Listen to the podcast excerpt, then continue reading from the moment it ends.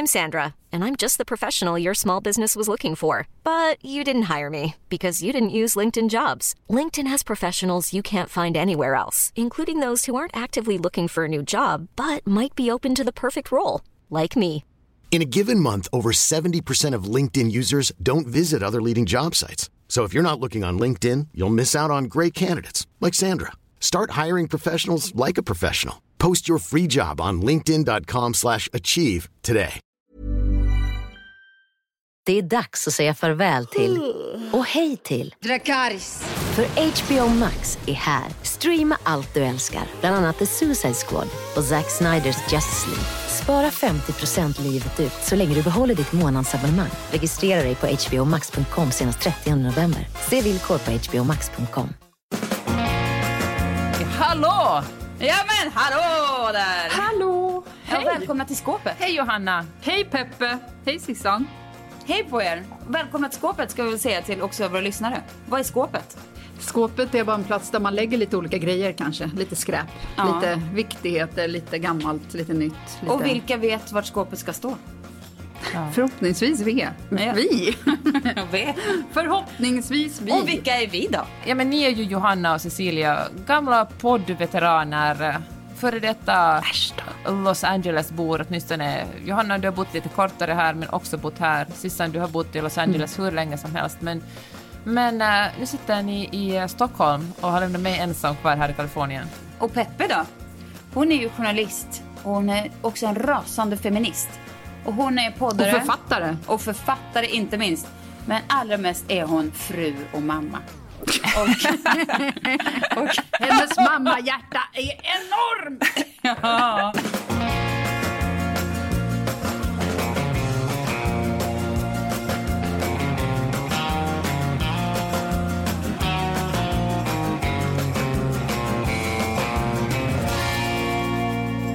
Nu tycker jag mycket personligare presentationen än ni. Jag tycker, då måste vi gräva, ner, gräva lite mer i vad ni sysslar med också.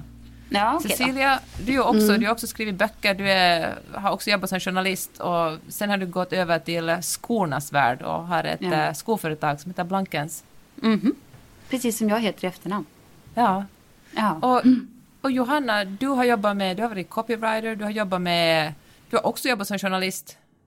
Ja, ehm, just nu jobbar jag med TV kan man väl säga. Ja, alltså det gör jag ju, så att visst, ja. Jag Johanna, TV. Varför låter det? Men jag känner inte att det, det känns konstigt att säga så här, jag jobbar med TV. Men jag jobbar alltså med innehåll i program. Ja, men det är väl bara för att det låter som det är som det coolaste jobbet man kan ha. Tänk att det finns så många sociala medier, men TV det är ju ändå det som har högst status egentligen. Ja, och samtidigt lägst. Jag tycker det är lite grann, när jag började jobba, då jobbade jag på Veckorevyn. Alltså, från början så jobbade jag i text och bildarkivet på Veckorevyn. Det fanns alltså ett, du vet, ett där man sorterade Det var in bilder. 1960. Ja, det var början av 1800-talet var det. Men, eh, och då kändes alltid det lite töntigt att jobba på Veckorevyn för det hade ju inte någon status. Sen tror jag att jag bara fortsatte i det. Jag har aldrig varit särskilt cool där jag har jobbat. Men ursäkta nu, ställen. Men- Veckorevyn, det var ju, alltså bara någon som är så en inside i medievärlden kan tycka att Veckorevyn på, jag vet inte, när var det här, 1990-talet, Mm, det var 20-talet? mi- ja, mitten 90-talet. Ja, Det var ju ändå ha varit ett- navet alltså. Ja, Jag verkligen. vet, men just då kändes det inte så. Och jag menar, jag tycker inte att det är töntigt på ett sätt med tv heller, men lite töntigt är det. Vad, vad är det som inte är töntigt då? Att göra podd? Nej, podd är töntigt. Ja. Nu är vi riktigt töntiga. det är väl kanske så att när jag kommer in och pillar på någonting, då blir det töntigt. Per automatik. Ja, det är så det går till. Nej, vad är inte töntigt?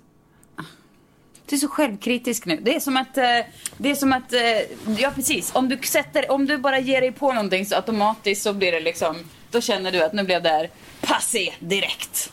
Ja, Jo, nej. det är ju så. Man Ja, måste vara lite självkritisk, det tycker jag. men det här är väl inte självkritik? Vad skulle man på- göra utan självhatet? Skulle man inte drivas av något?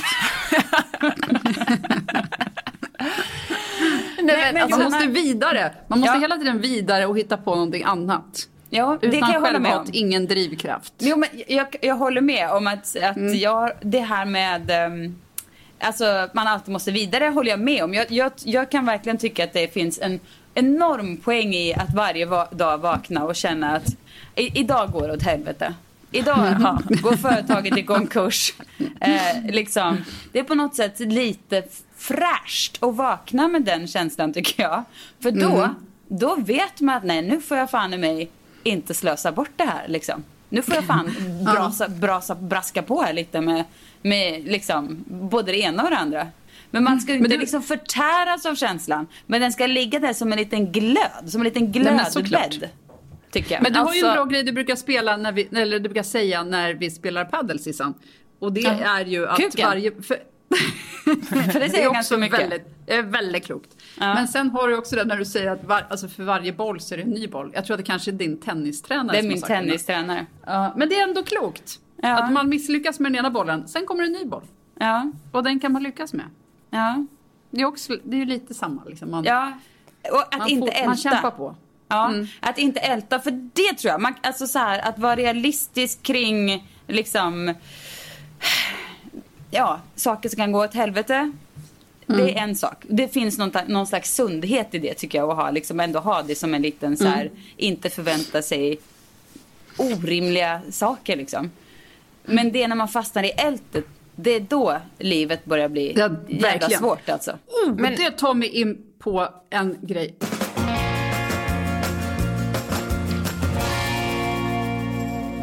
Men jag kom på en grej som har stört mig nämligen något otroligt senaste tiden. När jag lyssnar på olika poddar för att jag ska se vad, vad kidsen snackar om. Och det är så mycket pissmående. Att man ska prata om mm. hur dåligt man mår. Och du vet hur länge det var som man pratade om så här, vi måste prata om psykisk ohälsa. Och då kände jag att så här, ja, det måste vi verkligen, för det är jättebra att, att det kommer upp till ytan och mår man jättedåligt så är det klart att man ska få hjälp och där, där, där. Men nu mår ju alla piss. Eller så här, pratar om det som om de gör det. Men alltså Johanna, ja. jag hänger med dig, alltså jag hänger på din spaning, för jag skulle säga att det där ältande och hur mår jag egentligen, alltså det är ju en viss form av narcissism. Man bara, nej men då får du 100%. faktiskt lyfta blicken. Mm. Alltså du Från är inte så... Lilla Ja, du är inte så unik. Alltså det är också någon slags tanke att ingen människa känt de här fruktansvärda känslorna eller haft den här ångesten. Ja, vi har faktiskt alla varit där. Men det är som att, ja. det, jag tror att det är att folk tar det som en liten genväg nu in i att eh, kunna, att folk ska identifiera sig med en. Fast man vet, alltså vid det här laget så vet vi väl ändå redan att alla mår piss.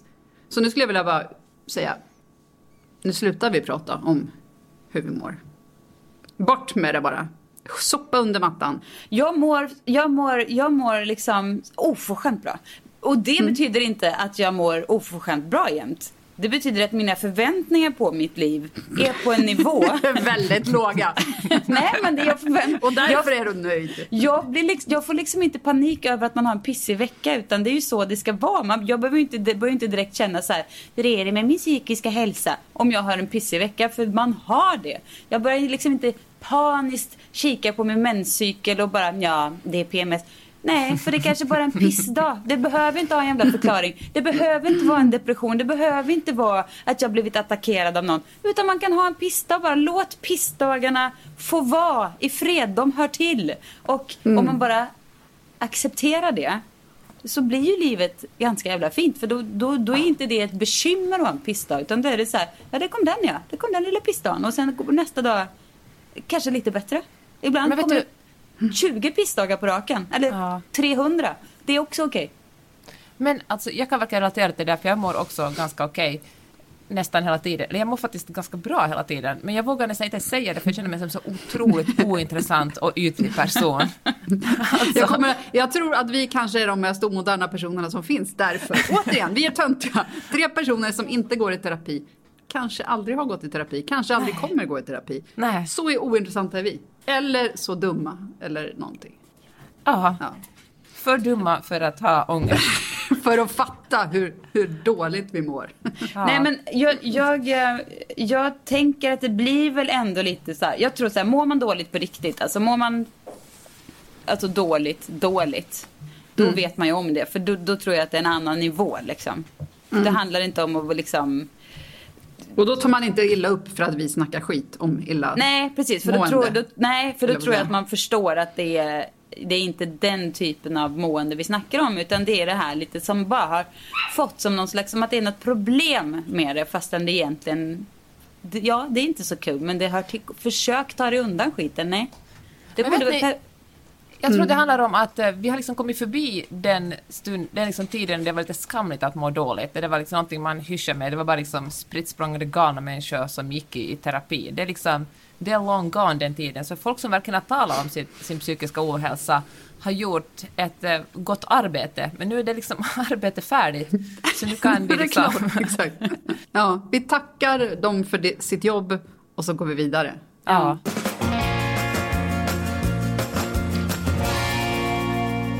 Jag skulle vilja att ni eh, ser framför er ett paradigm jag försöker, nu ska försöka eh, måla upp.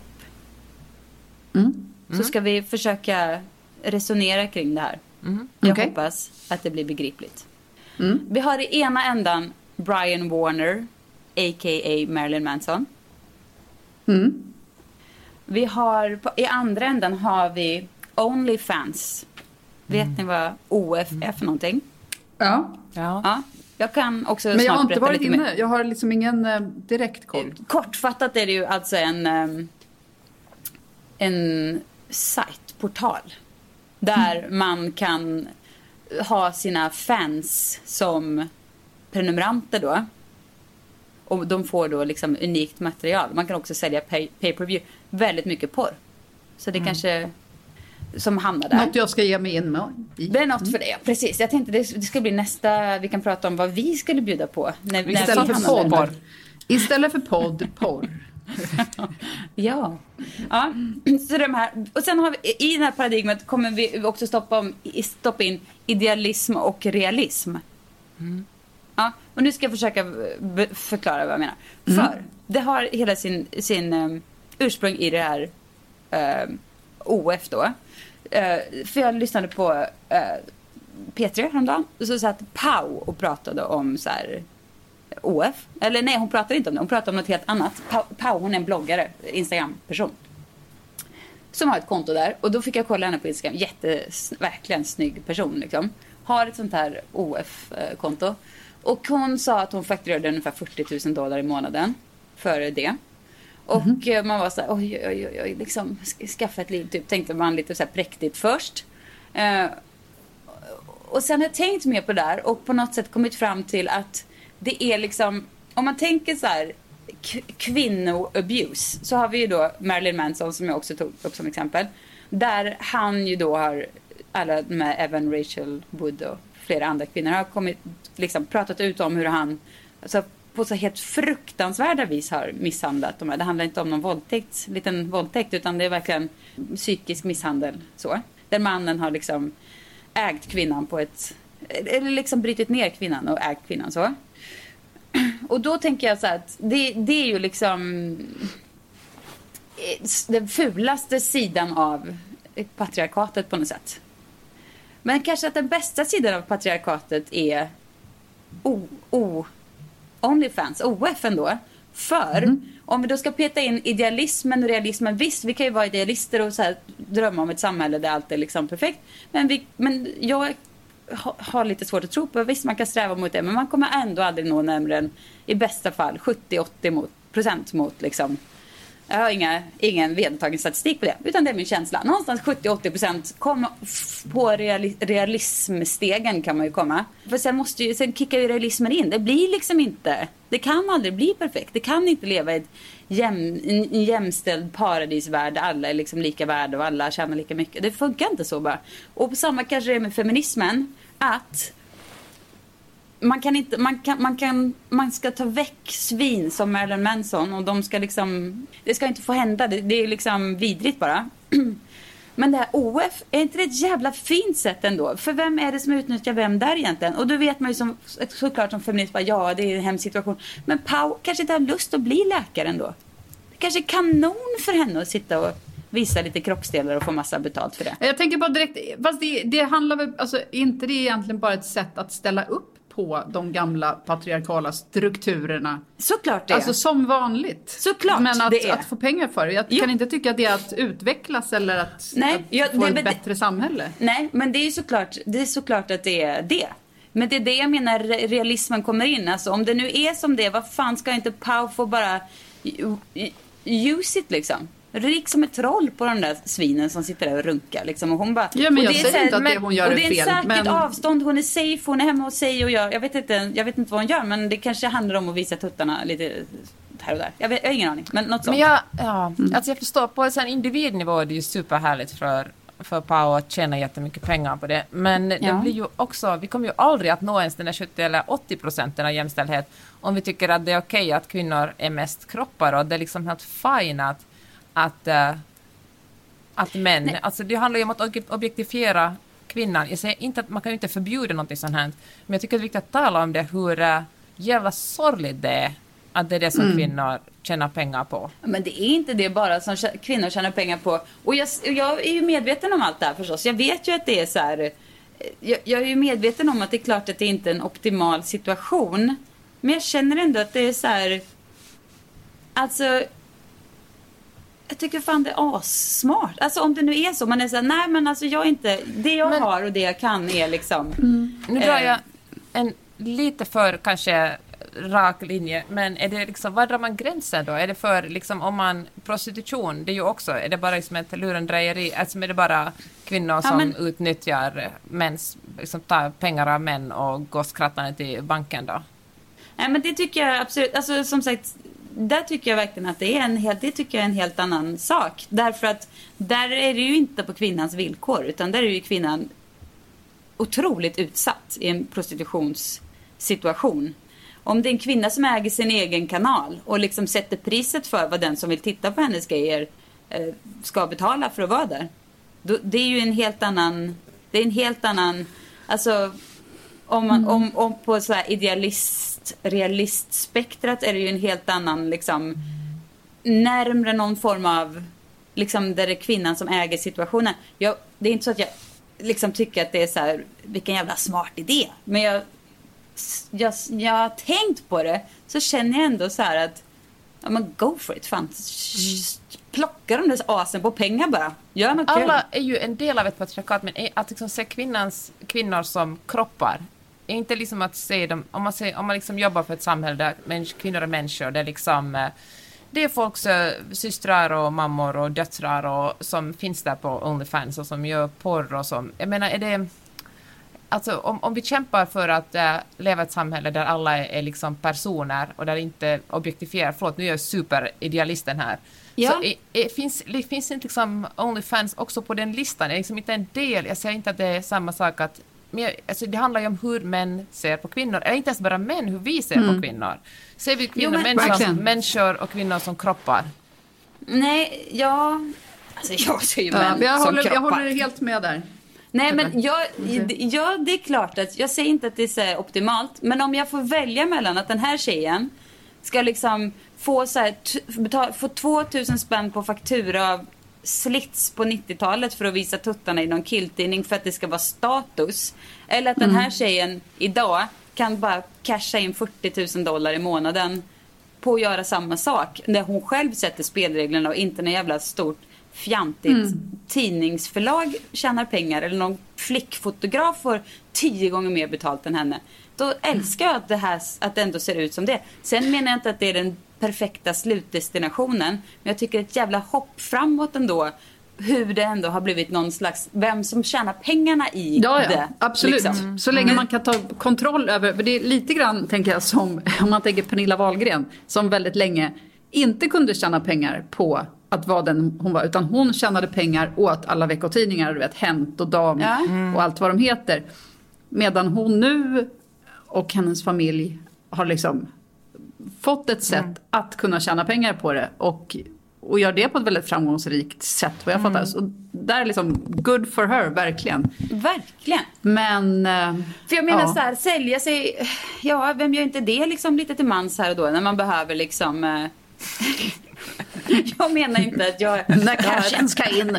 Cashen ska in! Nej men jag menar, man, man, ibland är man, gör man, hamnar i situationer där man kanske är så här, ah, men okej, det, det kanske inte är liksom helt enligt min liksom linje men ja. Det får funka, gud vad jag känner att jag måste vara, behöva bli moralpaniktanten i gänget nu. Men jag tycker faktiskt det är skillnad att göra samarbeten än att ha liksom ett, ett sminkmärke och, på så, och sälja sitt sminkmärke med sitt face eller, eller Pernilla Wahlgren, vad hon gör för samarbeten. Men, men än att på något sätt äh, lägga ut nakenbilder. Och obs, obs, jag vill inte slutshamea någon. Alltså, jag, tycker det alltså, jag tycker att individ... Eller kanske det är så här Susanne, du talar om individen och jag talar om äh, hela, liksom, hela gänget. Ja, det kan nog vara. Samhällsstrukturen liksom. Ja. Precis. Ja. Jo, exakt. Och det är kanske det, det kanske är det, lite det jag menar. Och jag menar inte att nu är vi liksom final destination, så här ska det vara, det är bra. Men jag menar ändå att det är så här.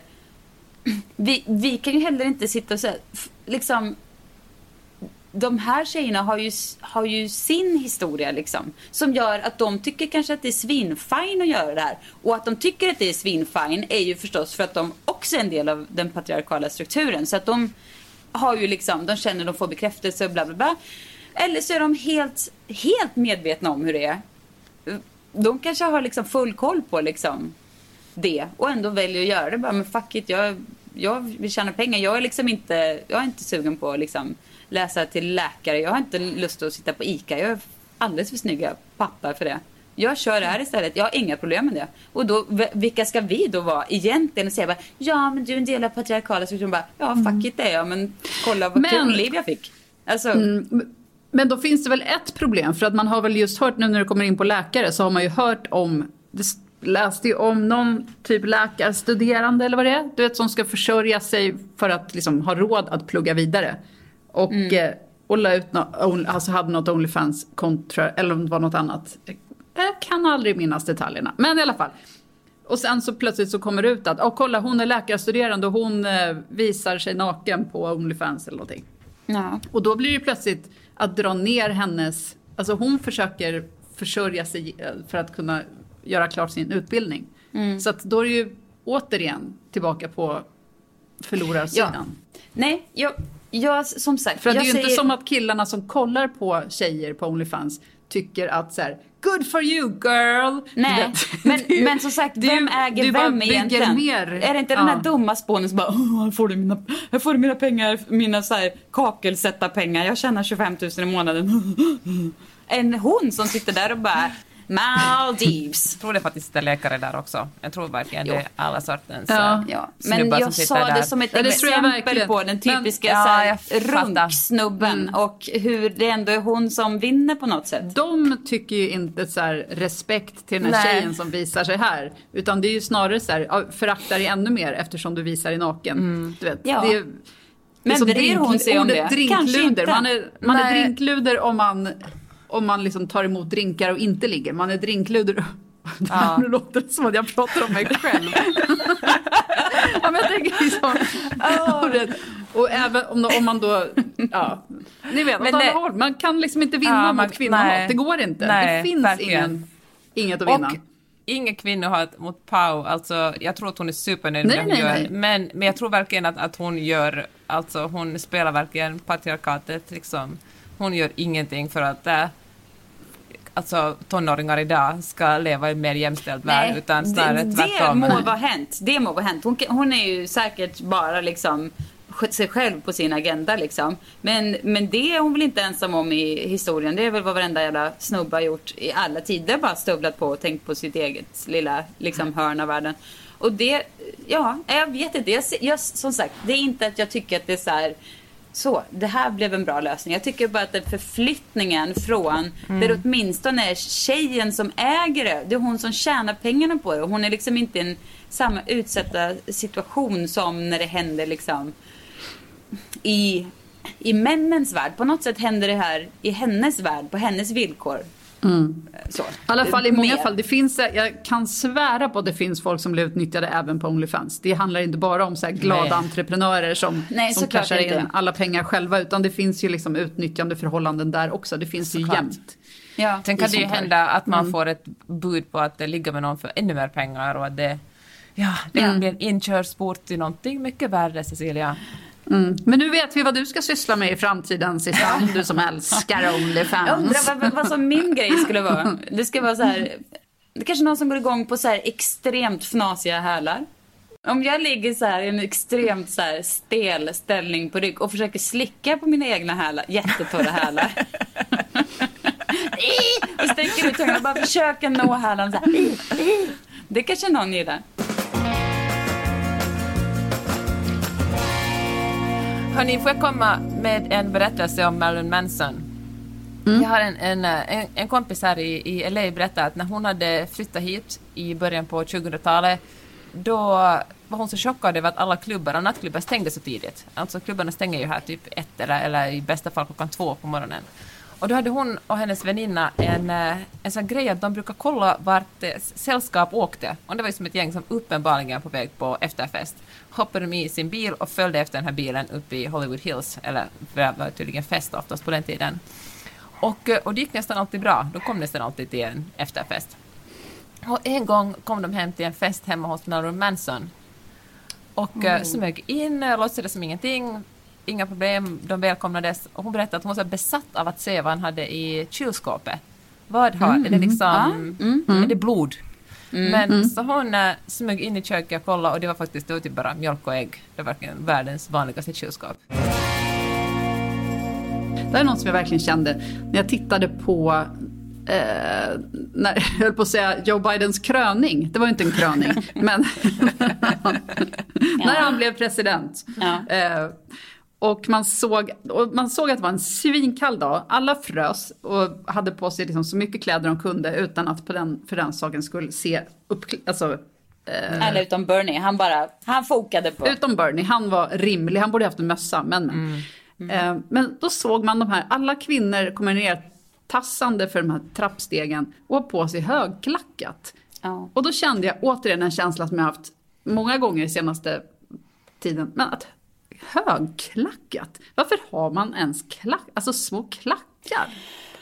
Känns ja. inte det väldigt omodernt? Och där då måste jag ändå säga att det här kommer från en person som just eh, ja, köpte ett par högklackade skor på auktion. Så jag lever inte efter mina egna regler. Men det känns, känns det inte väldigt omodernt? Jo. Att ha ett par pumps. Jo. Liksom. Klacken befinner sig också någonstans på det här paradigmet i liksom patriarkala strukturer vi ändå kan leva med liksom. För det är ändå så här, det är väl inte någon kvinna som bara åh, en klack. Utan det är någon form av liksom, uh, att det blir liksom, det ska vara någon, någon sexig grej med det. Men sen har ju klacken ja. utvecklats får man ju ändå säga. Det ju, det ja men det finns ju absolut snygga klackar men just i de här, alltså det var väl också det där med när man ser att det är minusgrader, det snöar till och med lite. Ja. Och Jill Biden har typ ett par beiga pumps. Och man bara... Men det är alltså, också amerikanska minst... kvinnor som, som är så här, ja. ska man vara fin ska man ha klack. Alltså mm. så många morsor, när mina barn gick på skola i USA, så, så stapplade in på skolgården i så här klackar på Ja, jag drar till med liksom 8-10 centimeter. Någon sån här billig skitklack också. I någon sån här lack mm. med någon sula. Så mm. man bara såg upp tårna bara satt där inne som små så här, överstekta mm. prinskorvar helt hopkrampade. Och gick omkring på, stapplade runt på de där klackarna. Och man ville, om man känner bara, liksom, för, varför gör du det här?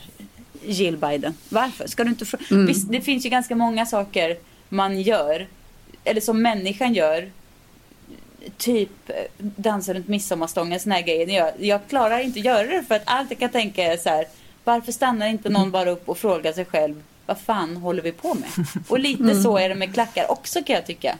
Att Verkligen, man... det finns så många alternativ nu också ju. Det är allra mest det kan jag tycka. Att ett tag så var det ju som att, ja det var vad man hade. Men som när man ser nu så tv-serier, du vet någon som är advokat och så bara, men hon har klackar och ska mm. alltså så här, klappra iväg på ja. något riktigt högt. Varför? Nej. Helt poänglöst. Ja. Utelistan. Ja, utelistan. Men mm. det vill säga att det, Blankens har en otroligt liten klack som kommer snart. men, nej, men, Jaha, ja, där. nej, men eh, ska det vara klackar ska de vara svinsköna. För det, det finns ändå, jag älskar klackar. alltså klackar som är, som, som är sköna jag, jag, jag älskar ljudet av att kläppra runt i en klack. Jag älskar med ungefär som att eh, en klack kan få mig så här, i så här glatt partyhumör. På samma sätt som bara tanken på mm. att jag kanske ska mm. få röka en festsig. kan göra mig så här, woo! Alltså göra liksom att jag bara gasar igång en partykväll. Bara hoppa i den där lilla klacken. Så för mig rent personligen har den en funktion. Men den får inte vara så här Mm. hög. Och jag skulle aldrig liksom förnedra mig till och liksom klacka upp mig för ett mansmöte liksom. Hör du, jag fastnade vid din eh, lilla festsig. Jag är ju en person som aldrig har rökt i hela mitt liv. Men Det är jag ett blir stort på- minus för dig Peppe. Jag vet, ja, men det känner jag också. Det är liksom ytterligare en Har du aldrig ens töntighetsfaktor. provat att röka? Ja men det har jag gjort liksom. Men jag har ju aldrig liksom, jag har aldrig satsat tillräckligt mycket på det för att det skulle bli gott om vi säger så. Men Nej. jag kan bli på så otroligt gott humör när jag ser eh, folk röka. Alltså inte sådär, jag, nu menar jag inte att du? sitter med, ja, men med gula fingrar och liksom, men sådär man ser någon till Ja, det tycker jag är snyggt. Men liksom en bild, alltså en bild på någon som röker är ju ofta En en, bländ- väldigt snygg eh, bild. Nej men en, du vet, En bländ i regnet vid busskuren. Det är gott det. Eller liksom Nej. här i, här i LA där folk är så otroligt, alla går bara i active wear och kastar sig ner på gatan och gör armhävningar och liksom eh, dricker sina smoothies och, och alltså det är ju väldigt, det är mycket, mycket oftare man ser kvinnor som skuffar omkring sina hundar i barnvagnar än man ser en person röka. Och då tänker jag Ja. att det är på något sätt lite upplyftande, det är på så gott humör, det är någon som på något sätt eh, hen kommer kanske dö i lungan så här snart. Men det är lite så här befriande att det finns någon som inte är så jävla noga med hur man ska leva. Nej. Fast är inte de du ser då egentligen där som röker riktigt alltså illa där, illa däran, Nej. rökare, som är just de här gula fingrarna. Nej, men det jag låter tror... som att om man är en så här, Nej men det är glammig, så här, rimlig person. grann eller? Nej men, nej, men det är Ja. faktiskt inte, åtminstone det här Santa Monica, det är så dyrt och det är billigare liksom att det är säkert billigare att, att göra heroin än att röka här. Alltså. Så jag tror att det kanske också är en statussymbol att man faktiskt har råd att söka cigaret, köpa cigaretter. Oh, du är så sugen på mig att bara säga, åh nej, jag ska bara för, förtydliga så ingen missuppfattar. Jag menar alltså inte att jag tycker illa om gula bländfingrar, utan jag älskar alla fingrar, är underbara. Gula, blå, orange, bruna fingrar, älskar alla fingrar, älskar alla cigaretter. Skulle jag gärna se mycket mer cigaretter, men jag älskar också inte cigaretter. Nej. Men vi, jag tycker verkligen, alltså nu, jag, jag är ju liksom ett stort fan av, vågar knappt säga det för mina barn här hemma, men festsig. Jag tjuvröker ju såklart för dem. Men, nu har jag inte feströkt sen, jag vet inte när. Och Jag undrar, har jag slutat med det? Och varför i sådana fall? Gillar jag mig Nej, själv du, lika kom, du kommer börja direkt I som du får chansen. Ja, ja. Men jag, jag är faktiskt av den, den starka övertygelsen att man måste ha en last alltså. För man blir fan knäpp i huvudet annars. Alltså, eller framförallt, man blir jävla tråkig om man inte har en last. Man måste liksom dricka lite för mycket ibland, röka lite ibland. Ja, ja, men är det en last då, om man gör det? ja, men det är Alltså inte bara, då är det bara någonting man gör ibland. Jo, jo, okej, Eller? men det är väl ändå bättre att man inte gör. Det är ju inte så här, som sagt, Att man inte gör för- allting rätt hela tiden. Nej, precis. Och jag kan, inte, jag kan inte stå för det för mina barn till exempel. Så någonting i det är det väl Mm. som är... Som jag kanske inte är helt... Men jag känner att det är bra liksom. En annan, har, har, ni, har ni noterat eh, detta för övrigt? Att vår generation är ju så mycket coolare än våra barns generation. På tal om så här punkiga saker. Alltså, de är så otroligt präktiga. Alltså, De är så jävla präktiga. Jag de får det? panik. Då bara, det är liksom Bonnie som ett fyller 13. Nej men det är liksom det är överdragsbyxor och cykelhjälm och det är hjälm i pulkabacken och man är så här, men Bonnie ta av dig hjälmen för i helvete. Du behöver liksom inte liksom, du ser inte klok ut. Nej, hjälmen ska på. Och min kompis Teresas dotter som går i sjuan hade, skulle, cyk, skulle liksom cykla iväg till skolan. Eh, frågade då eh, Teresa så här. Mamma måste jag ha hjälmen på mig? Och Teresa bara hon var så här. Ines, gör så här. Sätt på dig hjälmen, gå bakom husknuten, ta av dig hjälmjäveln och cykla till skolan. Fråga inte mig vad som är vanlig människa. Du ska inte fråga mig om sånt. Det är lite den grejen som händer. Och mina barn, du vet, nej, de, du vet, om man spelar någon slags tuff musik eller om de har hittat någon så här ciggpaket efter någon fest. De, de blir helt liksom skärrade av tanken på att allt inte är så präktigt hela tiden. Vi har ett system i bilen där folk får önska musik och sen tas önskningarna. Ibland händer det, man önskar, ibland händer inte det. Och mm. häromdagen så ville min eh, tioåriga son lyssna på en låt som faktiskt var jättebra. Och jag bara, men gud, jag kände mig så stolt och det var liksom en, en men det var en, uh, jag kommer inte ihåg vems det var, men det var liksom en, en hiphop-låt. Och han sjöng med, det var något, och ända tills jag insåg att, uh, att, att den verkligen handlar väldigt mycket om slap someone's pussy och jizz. och då hade jag redan sagt liksom att, att, att jag är så stolt över dig, du har så bra musiksmak. Och...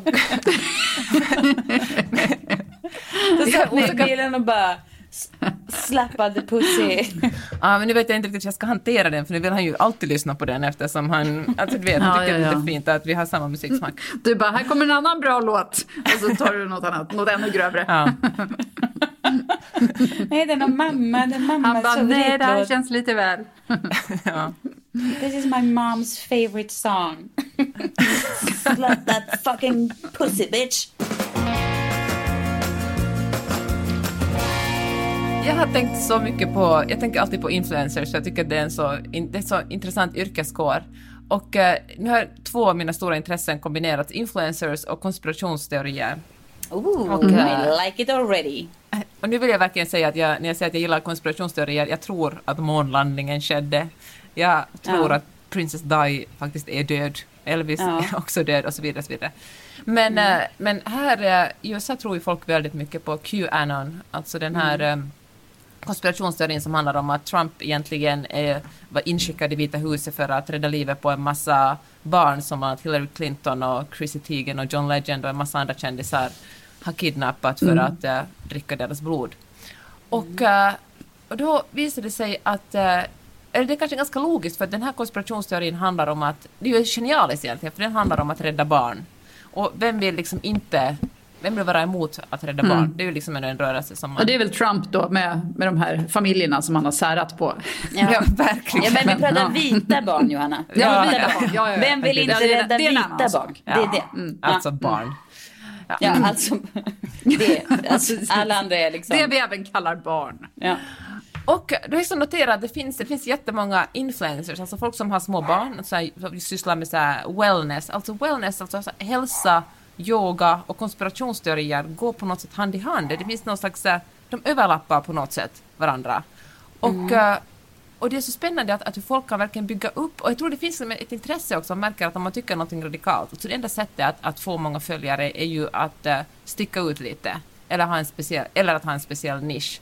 Och jag tror mm. att många av de här, mm. eller min spaning är att många av de här hälso och yoga influenserna märker att om man, eh, om man har en nisch som till exempel Qanon, att man kan få ganska många följare, liksom, man kan växa upp i som hundratals tusen.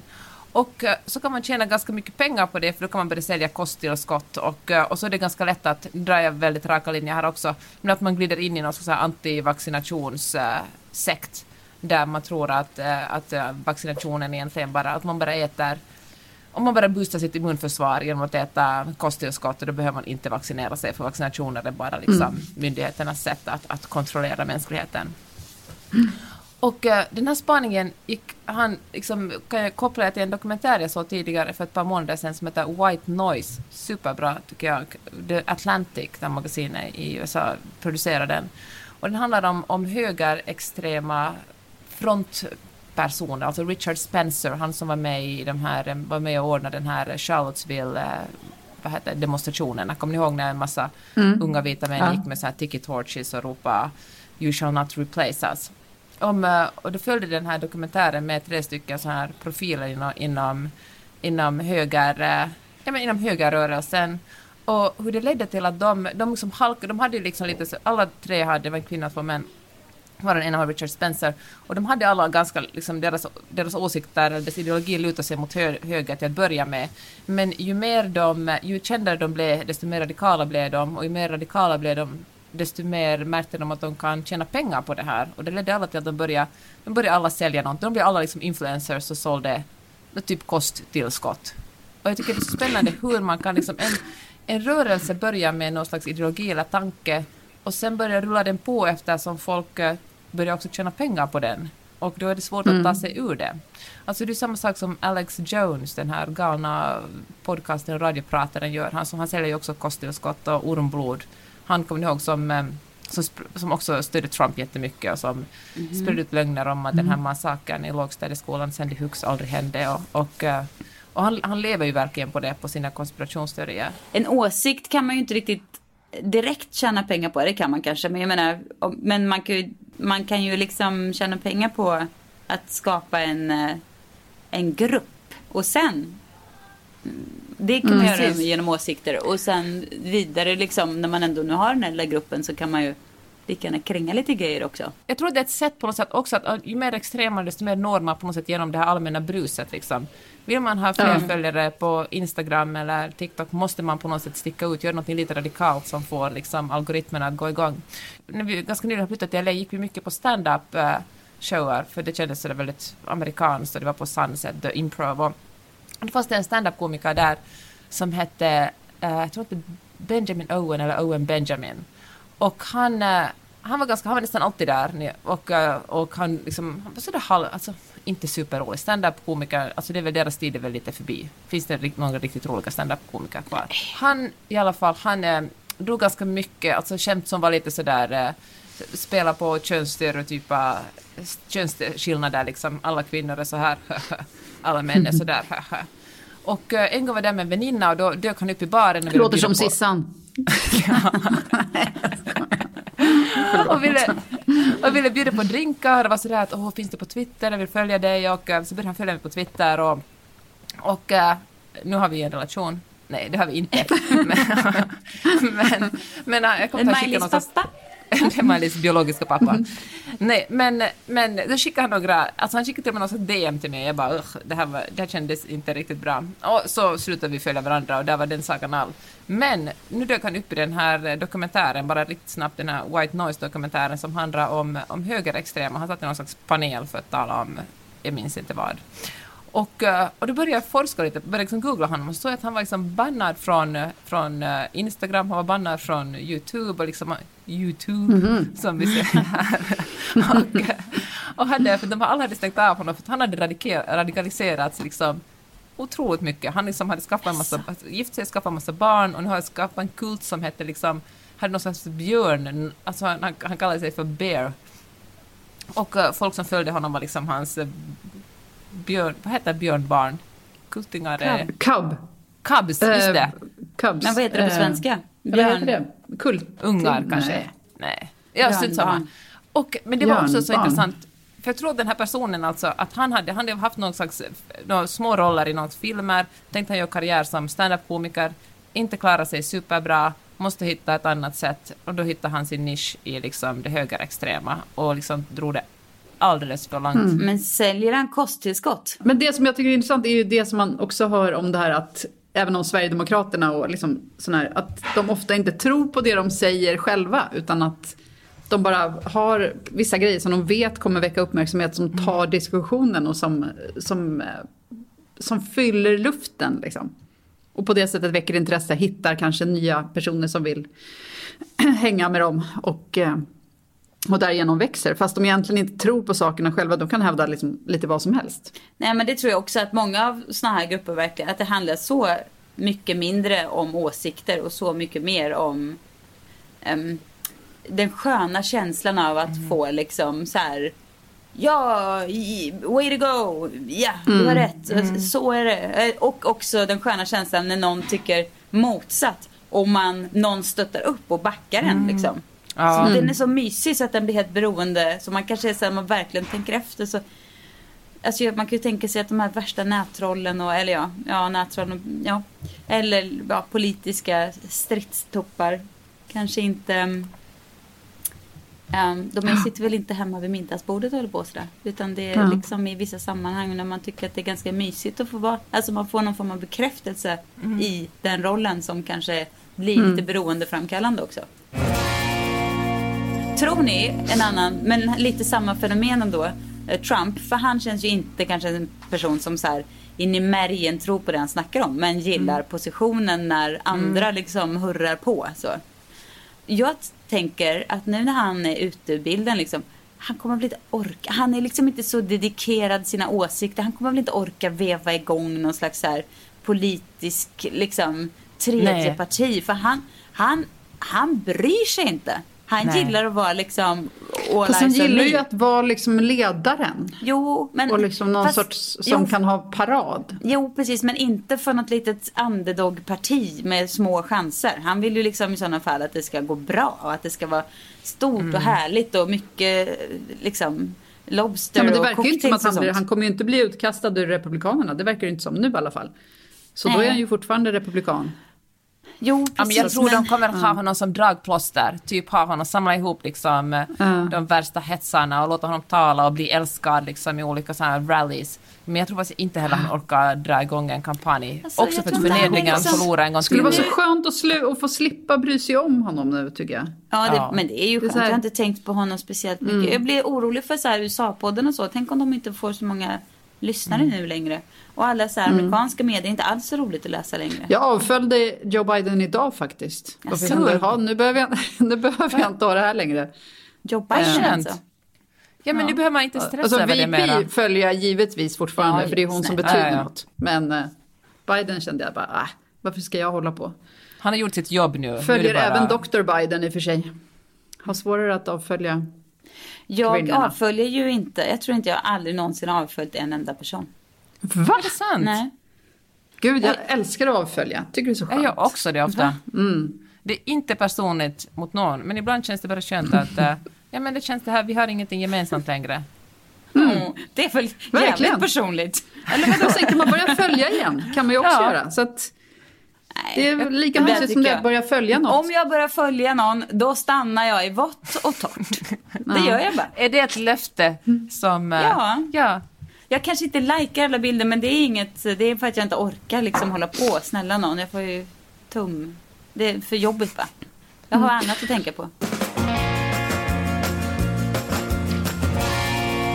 Nu ska jag gå till något riktigt lättviktigt. Mm. Men jag minns nämligen, för vi pratades vid här om veckan och då sa jag att jag precis höll på och göra apelsinmarmelad. Och det lät som att ni hade någon sorts litet förakt mot det här töntiga apelsinmarmeladandet. Men då ska jag säga er att idag så läste jag en artikel i en engelsk tidning, dagstidning stor. Och där stod det att efter bananbröd och surdegslimper och allt vad det är, så kommer apelsinmarmeladen som den nya corona-aktiviteten. Aha. Fast Och här Johanna, sitter jag, trendsättaren. Nej, det är inte jag som har inspirerat Liz Hurley och Eh, upp på innerlistan helt enkelt. Nej. Ja. Upp på innerlistan, apelsinmarmeladen. men Johanna, du är väl den som har bäst koll på alla trender. Om man vill veta vad som är på gång är det bara att glida in hos dig i dina Verkligen. DMs. Ja. Verkligen slida på. Du vet, vissa, det här kanske är ett poddmanér, eller kanske också krönikamanér, när, Mm. när någon är så, det är så viktigt för en person att uh, ha stenkoll på allting, att Mm. henne, att hen blixtsnabbt drar in det på utelistan som alla andra tycker är lite inne just nu. Ja. Typ om du hade sagt nu Clubhouse, tönt. Åh, ja. Och då liksom tror man att ens status på att vara spanare ska växa. Insektsprotein.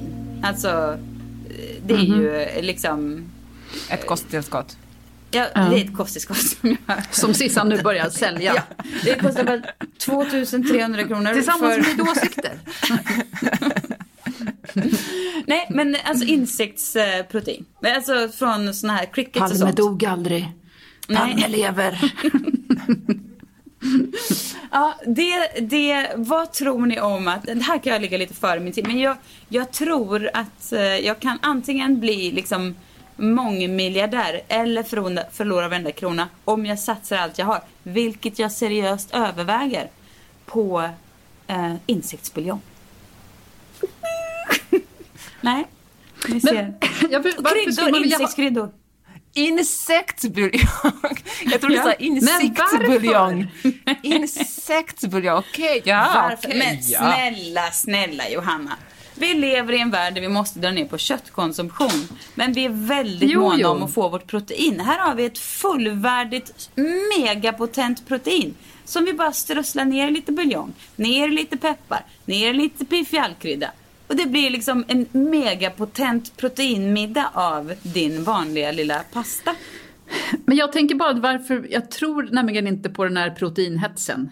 Nej, det gör inte jag heller, men folk Så gör ju det. därför Jag så tänker heller jag, på för mig så är det inte insektsbuljong något. Nej men, men du måste tänka business, business, business Johanna. Jag tror inte heller på proteingrejer men folk är ju helt jävla besatta. USA, där är man så besatta av protein så det är helt sjukt. De tror ju att barnen typ svimmar om de inte får Mm. protein varje dag. Alltså, och då snackar vi en jävla stek eller Ja, det, finns ju, ja, det finns ju inte en mamma som inte har väskan full med så här proteinbars. protein. Nej, precis. men Nej, vad sägs om lite, det- lite i en framtid alltså? Där Ja, jag tror jag det. det finns, det finns plats för insektsbuljongen. Eller insektskryddan, kryddblandningen. Alltså, det ska ju inte smaka, det ska bara vara där som en liten så här Ja, proteingrej. fattar. Man, bara, man kallar det för proteinbuljong helt enkelt.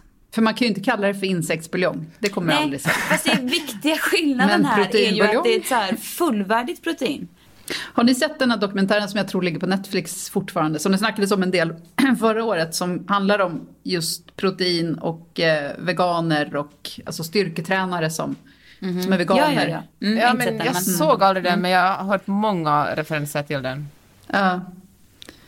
Jag såg den inte heller för jag orkade inte. jag tror definitivt på det de säger. Okej, men Vi har deras tanke... dokumentären, ingen har sett Men- den men den, Alltså, du har det väl sett den, finns. Den finns där. Har någon av oss sett den? Nej. Nej. Nej.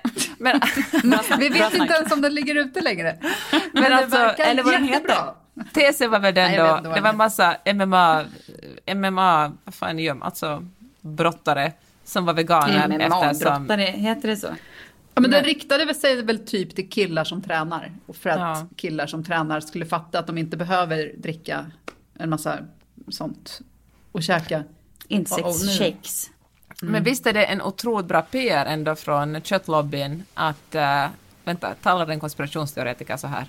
Ja. Nu blir jag så, ja. Men att tro att vi måste äta så otroligt mycket kött. ja, Alltså, men verkligen. Det är Verkligen. mega skickligt. Ja. Jag hade, jag hade en grej om eh, bra PR.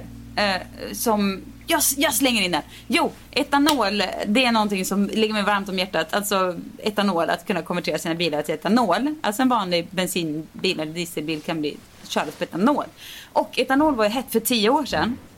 Eh, men sen blev det bara ut i kylan för att oljebolagen gjorde en sån fruktansvärd så här, intensiv Um, vad heter det? Inte PR utan när man, när man gör, eh, vad heter det, när man är lobby, lob, lobbyism mot liksom etanolen. Vilket ju är helt sjukt för det är inte precis att oljebolagen är så här någon slags eh, mot hur etanolen, liksom man fick hövla, skövla mark för att kunna framställa etanol. Säger eh, liksom oljebolagen, de är ju inte precis, eh, och ändå köpte alla bara. Det verkar ju rimligt att oljebolagen kritiserar etanolbolagen utan att oljebolagen fick någon slags kritik i det här. Det inte helt sjukt. Men nu kommer etanolen tillbaka, nu har vi snart svensk etanol. Och eh, ja, här är mina eh, vitaminpiller. Varsågod. Palme lever! Hörni, Okej, vi hörs eh, nästa vecka, Bra. eller hur? ja, så gör vi. roligt det Då ställer vi skåpet där det ska stå igen. Tack för att ni har lyssnat. Hej då! Hej!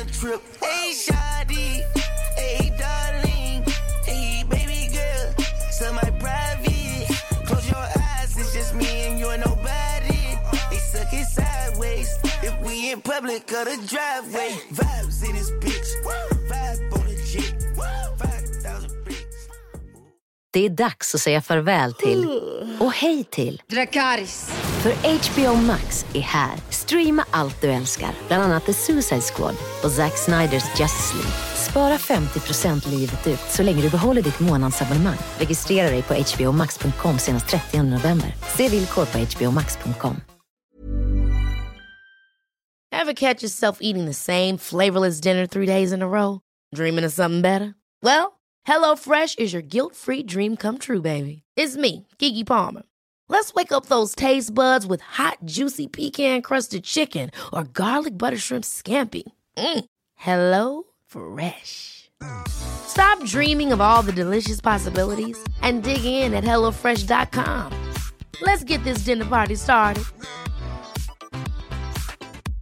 Hey, it's Paige DeSorbo from Giggly Squad. High quality fashion without the price tag. Say hello to Quince.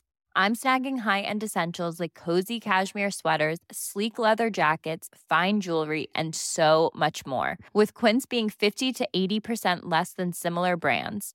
And they partner with factories that prioritize safe, ethical, and responsible manufacturing. I love that. Luxury quality within reach. Go to quince.com slash style to get free shipping and 365 day returns on your next order.